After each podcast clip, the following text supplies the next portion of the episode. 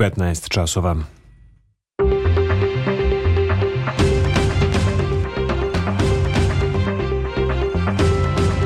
Radio Novi Sad.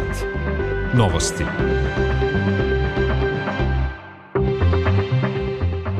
Dobar dan, ja sam Vesna Balta. Ja sam Nikola Rausavljević. Na početku novosti Vesti dana.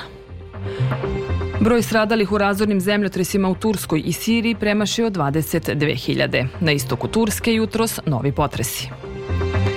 Prvih stotinu dana rada vlade Srbije obeležile finansijska i energetska stabilnost. Najveći izazov bila situacija na Kosovu i Metohiji, ocijenila premijerka Brnabić sumirajući rezultate rada vlade. Od 1. oktobra penzionerima u Srbiji kartice za popuste i pogodnosti, najavio predsjednik Vučić. Poskupljuje hleb Sava, iste cene goriva i u narednih sedam dana. Generalni direktor radiotelevizije Crne Gore posetio radioteleviziju Vojvodine. Iz sporta, u 21. kolu domaći Superlige, danas na programu dve utakmice. U Vojvodini sutra ujutru slab mraz, preko dana uglavnom suvo i malo toplije. Temperatura do 6 stepeni. U Novom Sadu sada je 4 stepena. Više od 22.000 ljudi izgubilo je život u razornom zemljotresu koji je pogodio jug Turske i Siriju. Procenjuje se da je oko 80.000 ljudi povređeno u razornom zemljotresu u Turskoj i Siriji. Spasioci biju bitku sa vremenom i peti dan tragaju za preživelima. Tlo i dalje podrhtava, jutros je istok Turske pogodio zemljotres jačine pet jedinica Richterove skale. Predsjednica vlade Srbije Ana Brnabić upisala se u knjigu žalosti u ambasadi Turske u Beogradu. Više tome Boro Lazokić. Turske vlasti kažu da je u zoni potresa srušeno oko 6.500 zgrada. Spasioci biju bitku s vremenom da izvuku preživele iz ruševina, a dodatnu opasnost predstavljaju niske zimske temperature. Vođa srpskog spasilačkog tima Davor Vidović i njegov zamenik Nikola Maksimović potvrdili su da su iz Hataija prebačeni u Odabasi kako bi pomogli u lociranju zatrpanih u ruševinama ovog grada. Već su uspeli da lociraju lociraju jednu ženu koju su iz ruševina izvukli lokalni spasilački timovi. E, ispod ruševina znači imate svega, a, osim što su, to su visoki objekti, većinom e, u posljedini možete vidjeti hotel koji je imao nekada osam spratova, kao što vidite tih spratova više nema, svi su se slegli i hotel Koda sada ima samo tri sprata.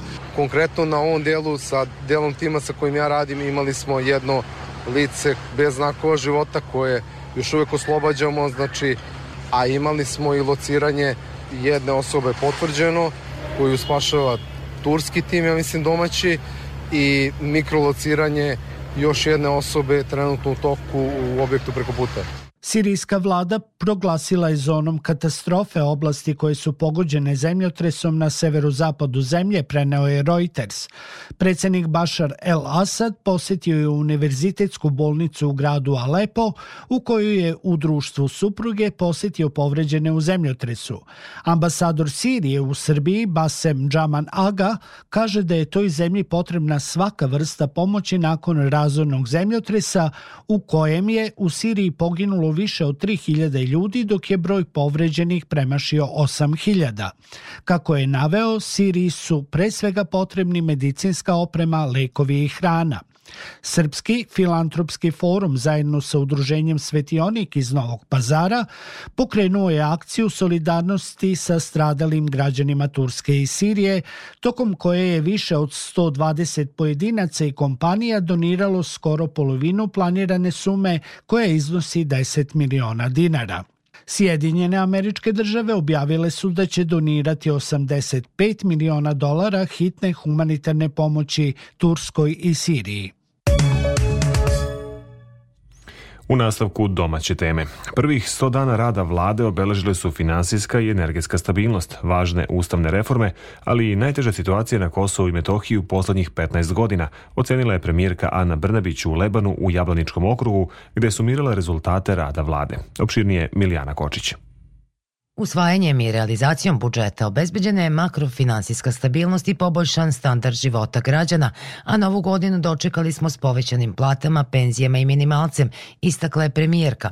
Kako je navela, javni dug je smanjen, PDP povećan, a strane investicije i kapitalna ulaganja nastavljeni. Ono što je važno da naglasim za naše građane da smo mi 25. januara otplatili dug od nekih 100 milijardi dinara, tako da nam se već u januaru udeo javnog duga u BDP-u smanjio na 50,2%, on je sada na današnji dan 50,5%.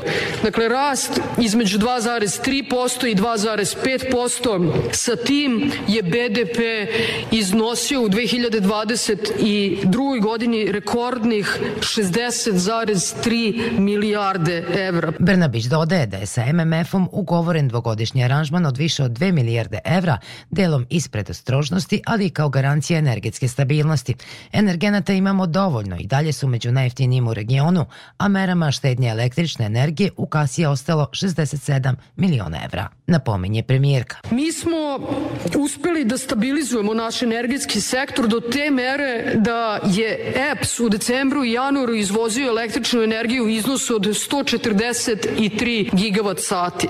Usvojenim izmenama Ustava u oblasti pravosuđa obezbeđena je nezavisnost organa, za šta je trebalo dovoljno hrabrosti i podrške građana, ocenila je Prnabić. Ipak napomenje najveći izazov bila je situacija na Kosovo i Metohiji, posebno u decembru, najtežem od 2008. kaže ona. Koliko je težak bio period, govori samo to da je u ovih 100 dana zabeleženo 53 različita etnički motivisana napada na Srbe na Kosovo i. Metohiji. I radimo dalje zajedno sa predsednikom Vučićem da insistiramo na potpunom implementiranju briselskog sporazuma i na očuvanju mira i stabilnosti. Predsednica vlade istakla i da je zadovoljna rezultatima ministarstava, kako u oblasti obrazovanja, sporta, zapošljavanja i stvaranja boljih uslova za ostanak mladih u zemlji, tako i poljoprivrede, zdravstva, zaštite životne sredine, ali i turizma, kulture i zaštite prava nacionalnih manjina.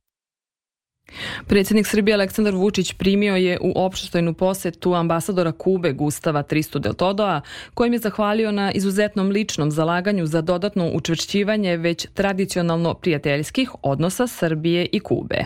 Ponosni smo na 120 godina diplomatskih odnosa naše dve zemlje i visoko cenimo principijelni stav prijateljske Kube u pogledu podrške suverenitetu i teritorijalnom integritetu Republike Srbije, objavio je predsednik Vučić na društvenim mrežama. Od 1. oktobra počeće da se koriste penzionerske kartice koje će važiti u celoj zemlji i penzionerima omogućiti brojne povlastice, najavio je predsednik Aleksandar Vučić na svečanosti u Palati Srbija povodom obeležavanja 100 godina penzijskog sistema u zemlji. Jedan od ciljeva je i da za dve godine prosečna penzija bude 450 evra, beleži Željana Ostojić. Prijeve za penzionerske kartice počeće od sledećeg meseca, primjena od jeseni, simbolično na Međunarodni dan starih, rekao je predsjednik Vučić ističući benefite koje će penzioneri imati.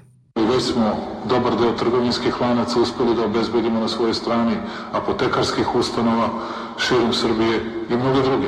Pokušat ćemo to da uradimo i sa Telekomom i sa svima drugima da svoje račune, da na sve što plaćate penzionerskom karticom dobijete određeni popust. Postavit ćemo velike punktove na kojima ćete moći da obavljate diagnostičke preglede, da imate ljude koji mogu da vam odrede terapiju i to sve potpuno besplatno, dakle, da možete da imate više prava nego što ste imali ranije. Vučić je podsjetio da su penzioneri u poslednja dva meseca imali ukupno povećanje penzije od 20,8%, što je, kako kaže, najveće povećanje do sada. Naš je cilj da za dve godine prosečna penzija u Srbiji bude 450 evra. Nadam se da već u toj godini ćemo moći da idemo 2026 na tih graničnih 500 evra. Penzionerka Ljiljana Stamenković iz Beograda zahvalila je državi na svemu što čini za penzionere kako bi njihov životni standard bio bolji.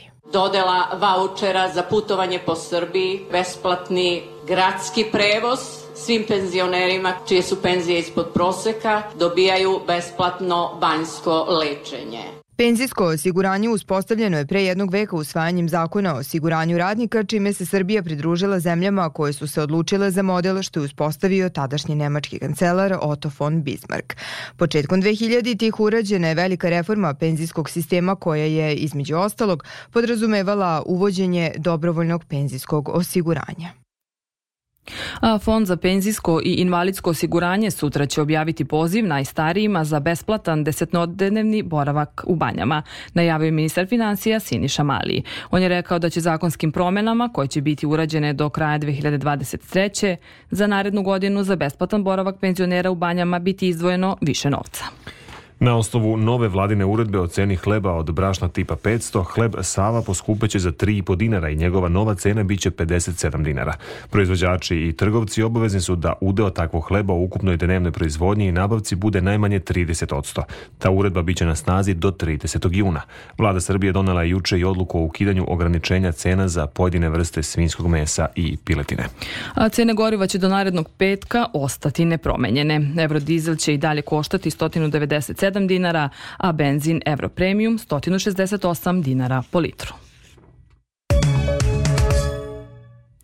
U Briselu je sinoć završen specijalni samit lidera Evropske unije na kome je učestvovao i predsednik Ukrajine Volodimir Zelenski. Evropska unija je obećala dalju finansijsku i vojnu pomoć ukrajinskoj strani, najavila deseti paket sankcija Rusiji, a na stolu su bile i ekonomske teme, migraciona politika i dijalog Beograda i Prištine. Iz Brisela izveštava Ivan Ilić.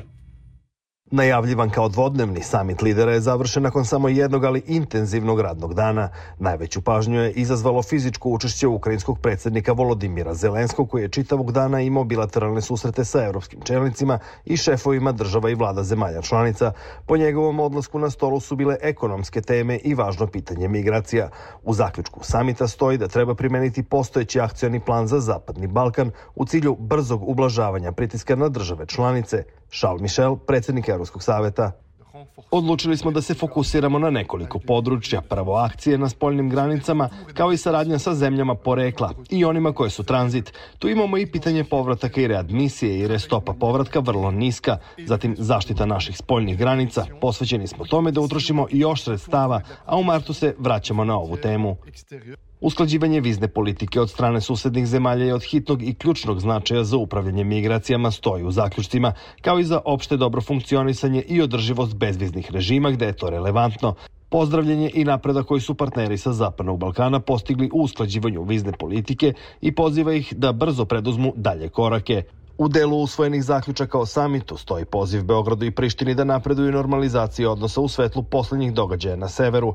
Evropski savet ističe da pozdravlja evropski predlog i smatra ga istorijskom prilikom koju dve strane treba da iskoriste.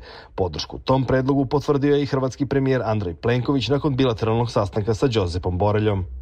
A ono što je važno, apelira se i na Srbiju i na Kosovo da prihvate prijedlog kojim je ponuđen. Zemlje članice u zaključcima još pozivaju i na bezuslovnu primjenu svih ranije postignutih dogovora, uključujući i formiranje zajednice srpskih opština.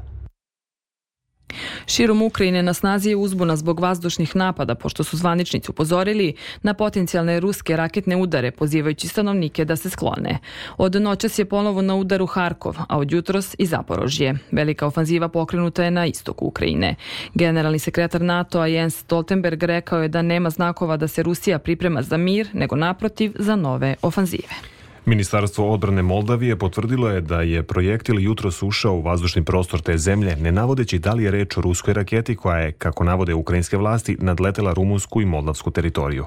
Ministarstvo je navelo da, kao i ostale službe moldavskih vlasti, pažljivo prati situaciju u regionu i oštro osuđuje kršenje suvereniteta moldavskog vazdušnog prostora. Moldavija ne navodi da je reč o ruskom projektilu, ali je zbog incidenta na razgovor pozvala ruskog ambasadora. Rumunsko ministarstvo odbrane saopštilo je da je informacija da su dve rakete ušle u njihov vazdušni prostor nije potvrđena. Kremlj je odbio da komentariše izveštaje da su ruske rakete navodno ušle u vazdušni prostor Moldavije i Rumunije. I još jedna vesti sveta. Dve osobe, među kojima i dete, poginule su, a nekoliko je povređeno kada je vozač naleteo automobilom na grupu ljudi na autobuskoj stanici na periferiji Jerusalima. Izraelski premijer Benjamin Netanjahu rekao je da je reč o terorističkom napadu i naredio jačanje bezbednostnih snaga. Prema navodima policije, vozač je upucan ulican. Incident se dogodio u vreme visokih napetosti nakon napada u kojem je palestinski napadač prošlog meseca pucao na sedam osoba ispred sinagoge. Glavna tema sednice Skupštine grada Novog Sada su ostavke članova pokreta za obnovu Kraljevine Srbije na funkcije u gradskoj vlasti, kao i najava formiranja nove opozicione odborničke grupe NADA, sastavljene od odbornika Demokratske stranke Srbije i POKSA. Formiranje iste koalicije najavljeno je i u Skupštini Vojvodine. Kada je reč o ostalim tačkama današnjeg dnevnog reda Gradske skupštine, dominiraju urbanistički i regulacioni planovi. Pojedinosti Marija Maleš. Izbačeni smo iz gradske komunalne koalicije jer imamo drugačije viđenje rešavanja pitanja Kosova i Metohije od Srpske napredne stranke, rekao je šef odborničke grupe POKSA i zamenik šefa nove odborničke grupe NADA Saša Novaković. Dodao je da se isto to dogodilo u još nekoliko opština. Svi naši članovi koji na bilo koji način imaju učešće u vršenju vlasti u gradu Novom Sadu danas su podneli ostavke, a sa druge strane tu vrstu problema nemaju sa Ligom socijaldemokrata Vojvodine, što znači da sa njima dele mišljenje po ovom pitanju. Upitan kakva je saradnja naprednjaka sa Ligom socijaldemokrata Vojvodine povodom njihove najave da će i oni napustiti gradsku vlast, gradonačelnik Novog Sada Milan Đurić je naveo. Čekamo sastanak sa novim rukovodstvom da vidimo koji su njihovi planovi dalje. Zvanično su to Aleksandar Kravić i dalje član veća za saobraćaj. Đurić je potvrdio da su prosvetnu inspektorku Danijelu Kostić naprednjaci predložili za novu članicu gradskog veća zaduženu za socijalna pitanja. Ona će na tom mestu zameniti Branku Bežanov iz Poksa. Mi smo u ponedeljak imali sastanak, videli smo se, bili su kod mene, razgovarali zašto se razmamilazimo. Nakon toga smo doneli odluku koju su te vi kao mediji dobili. Logično sam seli sa Brankom Bežanov, saradnici smo bili, dugi niz godina se svakako poznajem, mislim da je to ljudski da se razgovara. Šef radikala u gradskoj skupštini Đura Đakšić naveo je da su funkcioneri POKSA, odnosno njihove prethodne stranke Srpskog pokreta obnove, promenivši brojne koalicije u gradu, ostavili za sobom prah i pepeo po gradskim preduzećima, pre svega u toplani i u vodovodu i kanalizaciji. Pitanje je šta će posle desetogodišnjeg rukovodđenja funkcionera POKSA gradskom čistoćom novi direktor tamo zateći, dodao je Jakšić a naredne minute u novostima posvećujemo poljoprivredi. Sva gazdinstva na kojima se privremeno ili trajno nalaze životinje moraju biti registrovana u centralnoj bazi podataka Uprave za veterinu, a u skladu sa zakonom o veterinarstvu, objavila je Uprava za agrarna plaćanja pri Ministarstvu poljoprivrede. Pri registraciji svako gazdinstvo dobija svoj jedinstveni identifikacioni broj, dok se pod jednim brojem vode podaci o svim obeleženim životinjama na gazdinstvu.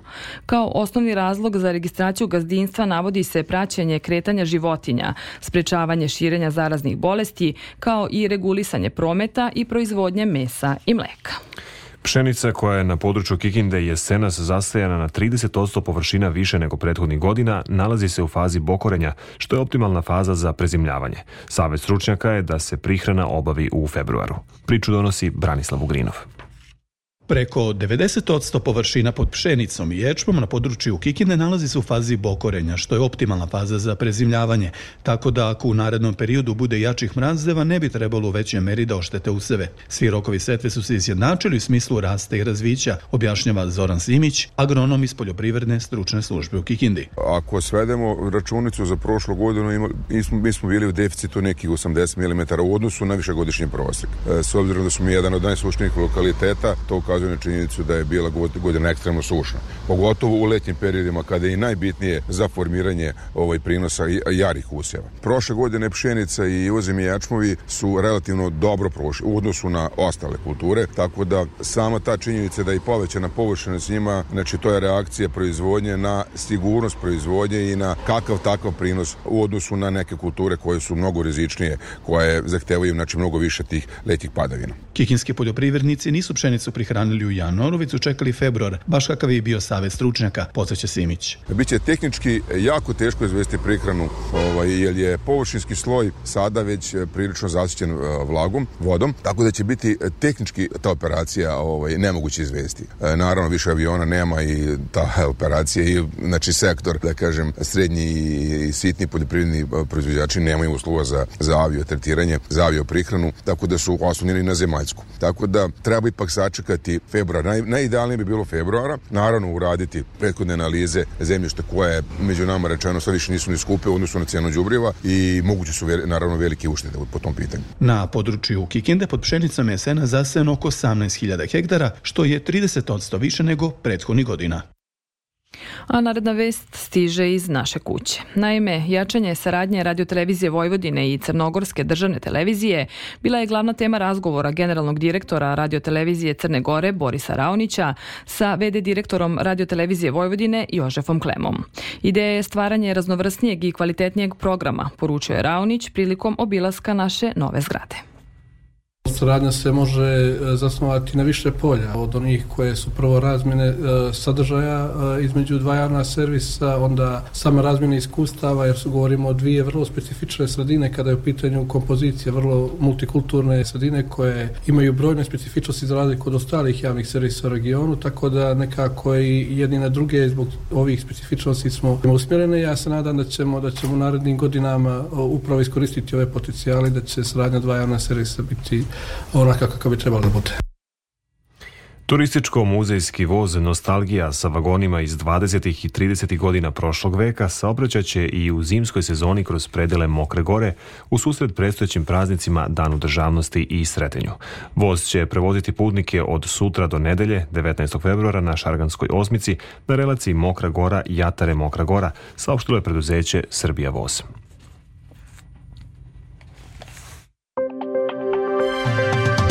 Sport.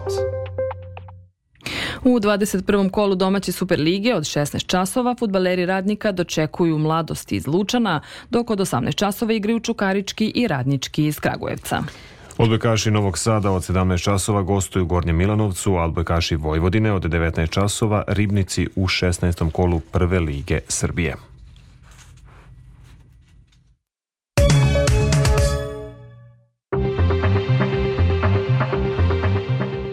Pred kraj novosti još jednom vesti dana. Broj stradalih u razornim zemljotresima u Turskoj i Siriji premašio 22.000. Na istoku Turske jutros novi potresi. Prvih stotinu dana rada vlade Srbije obeležile finansijska i energetska stabilnost. Najveći izazov bila situacija na Kosovu i Metohiji, ocenila premijerka Brnabić sumirajući rezultate rada vlade. Od 1. oktobra penzionerima u Srbiji kartice za popuste i pogodnosti, najavio predsjednik Aleksandar Vučić. Poskupljuje hleb Sava, iste cene goriva i u narednih sedam dana. U Ukrajini nastavljene borbe. I za kraj novosti o vremenu, a pre toga jedna vest. Naime, putevi Srbije apeluju na učesnike u saobraćaju da budu posebno oprezni u vožnji i da prilagode brzinu kretanja uslovima na putu, jer se prema upozorenju Republičkog hidrometeorološkog zavoda u noći između subote i nedelje u centralnoj i jugozapadnoj Srbiji očekuje ledena kiša i slušamo opširnu prognozu. U Vojvodini u subotu ujutru mraz, a tokom dana suvo i malo toplije nego u petak. Ujutro sunčano, a sredinom dana stiže umereno na oblačenje sa severa i premešta se ka jugu bez padavina do kraja dana. Vetar slab zapadnih pravaca, pretisak iznad normale, minimalna jutra temperatura od minus 9 do minus 6, a maksimalna od 3 do 6 stepeni. U Vojvodini u nedelju oblačnije vreme i suvo uz delimično razvedravanje. Za Radio Novi Sad Stanko Sparavalo, Meteos. Slušali ste novosti prvog programa radija Radio Televizije Vojvodine. Novosti tonski realizovao Zoran Vukolić, producentkinja Branislava Stefanović, pred mikrofonom bili Vesna Balta i Nikola Rausavljević. Ostanite uz naš program, želimo vam prijatno popodne.